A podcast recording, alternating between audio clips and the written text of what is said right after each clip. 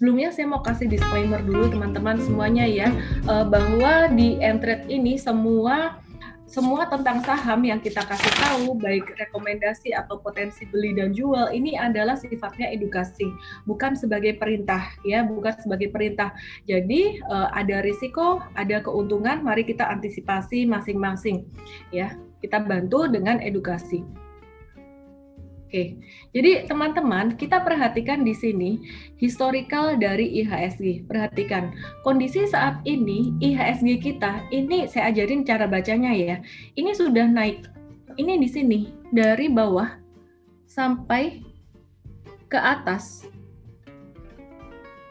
Ini sudah naik 20%, 19 sampai 20% dalam waktu kurang dari dua bulan ya jadi November sampai Desember. Kemudian dari Desember tanggal 1 sampai Desember tanggal 21 ini naik 10%. Nah, kalau teman-teman mau tahu IHSG naik 10% itu matters nggak? Kita lihat yuk. Kita lihat yuk kondisi IHSG dari tahun ke tahun. Kita lihat ya. Yuk kita tarik mundur bagaimana Indonesia di tahun 2019. Oh, ternyata Indonesia sepanjang 2019 itu minus 3,62 persen. Kemudian bagaimana Indonesia di tahun 2018 dari Januari sampai dengan Desember. Januari 2018 Ya, Januarinya di sini 2018 sampai Desember 2018 nih ini Desembernya di sini nih. Januarinya nih di sini. Ini malah minus 5,3 persen ya. Dalam setahun minus 5,3 kemudian eh, 2019 minus 5 minus 3 persenan. Jadi teman-teman kalau saya bicara tentang IHSG naik 10% dalam satu bulan. Ini sebuah uh, performa, sebuah sebuah kinerja yang sangat bagus sekali, growth yang sangat cepat sekali buat IHSG. Demikian pula 20% dalam waktu kurang dari dua bulan. Ini ibarat kayak ngegas tugasnya cepat banget. Nah, maka dari itu saya cuma mau bilang, kalau ngegas terus, kapan istirahatnya? Kapan isi bensinnya? Tetap harus ada waktu istirahat. Di sinilah waktu istirahat. Ini waktu istirahat. Pertanyaannya, istirahatnya berapa lama? Istirahatnya berapa jauh? Kan itu kan yang kita tanyakan, apakah dia istirahatnya bisa sampai turun ke moving average 50 atau cukup tertahan di sini di MA 20? Ini MA20. MA20 tuh artinya menunjukkan tren jangka pendek. Kalau 50 ini menunjukkan tren jangka menengah beberapa bulan. Kalau yang 100 ini menunjukkan tren jangka panjang. MA200 lebih panjang lagi, dia udah di bawah sini. Eh, kebetulan nggak saya tampilkan ya. Jadi teman-teman sebenarnya sangat wajar sekali ketika IHSG atau market ini tarik napas dulu, sangat-sangat wajar. Dan kita lihat secara fundamental 2021 masih sangat positif. Tapi kan ini bumpy banget. Apa yang harus kita lakukan? Kalau dia koreksi cuma sampai MA20, nggak apa-apa. Tapi kalau koreksinya sampai MA50, what to do? Sekarang kita perhatikan secara historical. Saya coba bersihkan dulu. Oke.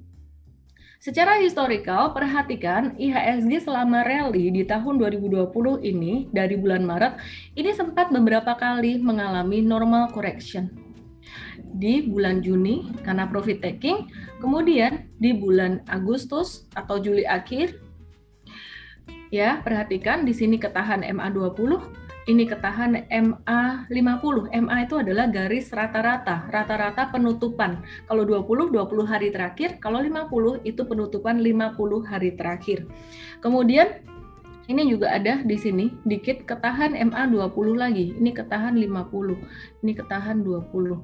Perhatikan, terus ini di sini, ini di sini, ini ketahan MA 20 lagi. Nah, saya sengaja skip yang di tengah-tengah Perhatikan teman-teman, ketika di tengah-tengah, di sini ketahan MA20, habis itu di sini bablas sampai ke MA50, dan dia bablas lagi terus sampai ke MA100-nya. Ini di bulan September. Nih di bulan September yang waktu itu menjadi peluang buat kita last chance untuk investing dan waktu itu teman-teman yang ngikutin untuk beli saham-saham properti dan konstruksi sekarang udah cuannya hampir tiga digit mencapai 100%. Oke, teman-teman perhatikan ya. Jadi 2020 ini sangat bumpy sekali, ada peluang tapi kita juga harus hati-hati.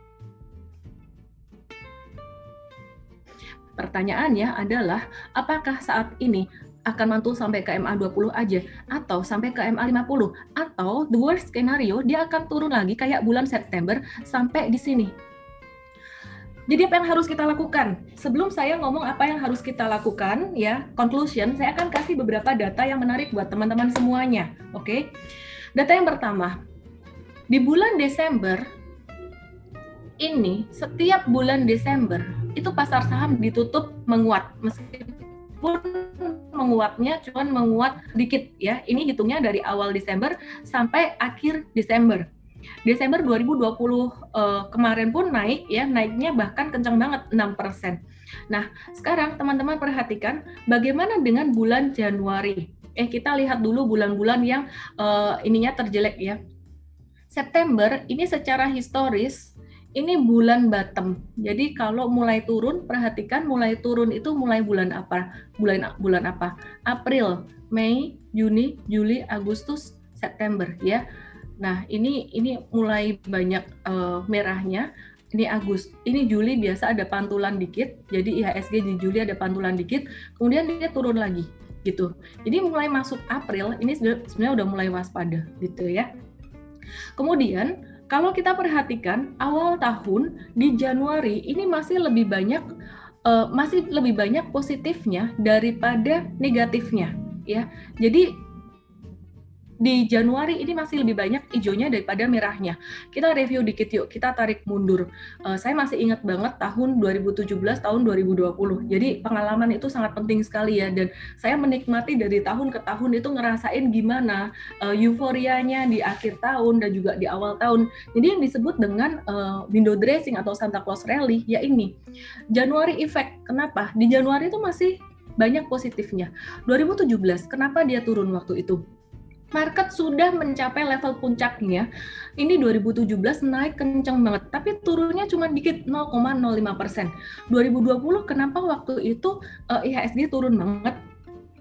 Karena di akhir tahun waktu itu 2019 akhir tahun IHSG uh, market Indonesia saham Indonesia capital market ini lagi lagi gonjang-ganjing jiwasraya apakah segitu ngaruhnya pengaruh Jiwasraya, case Jiwasraya ke market sangat berpengaruh sekali ya. Jadi valuasi market, sorry kapitalisasi market jumlah perdagangan itu sangat menurun sekali dan kejadian itu membuat uh, kepercayaan dari investor asing pun juga jadi sangat terpengaruh. Sejak November 2019 sampai dengan uh, Februari 2020 itu market sangat slowing down banget dan kemudian di sini ini COVID-19 kalau nggak COVID-19 separah-parahnya itu turunnya di bulan Desember eh sorry ah bulan Maret salah ngomong mulu nih.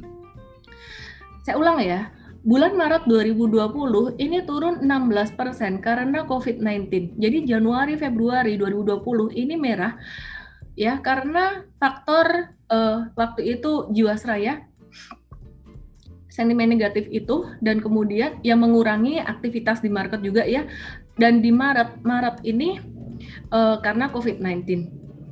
Bagaimana dengan tahun 2018? Maret kok turunnya dalam ya. Ini masih ada kaitannya dengan 2017 yang menjadi uh, level puncak ya level puncak perdagangan selama beberapa tahun terakhir. Kalau mau lihat kayak gini nih. Jadi kita belajar ngelihat cycle dulu. Nih, ini 2017 dia naik terus ting sampai di sini puncak. Ini all time high bahkan sekarang pun kalah tinggi. Jadi wajar kalau 2018 turun dan itu siklus 10 tahunan. Hebatnya IHSG cuma turun sampai 17%. Kelihatan di sini ya. Ini tepatnya bulan Maret yang turun tajam 2020 uh, eh, tapi 2018 tuh turun di sini.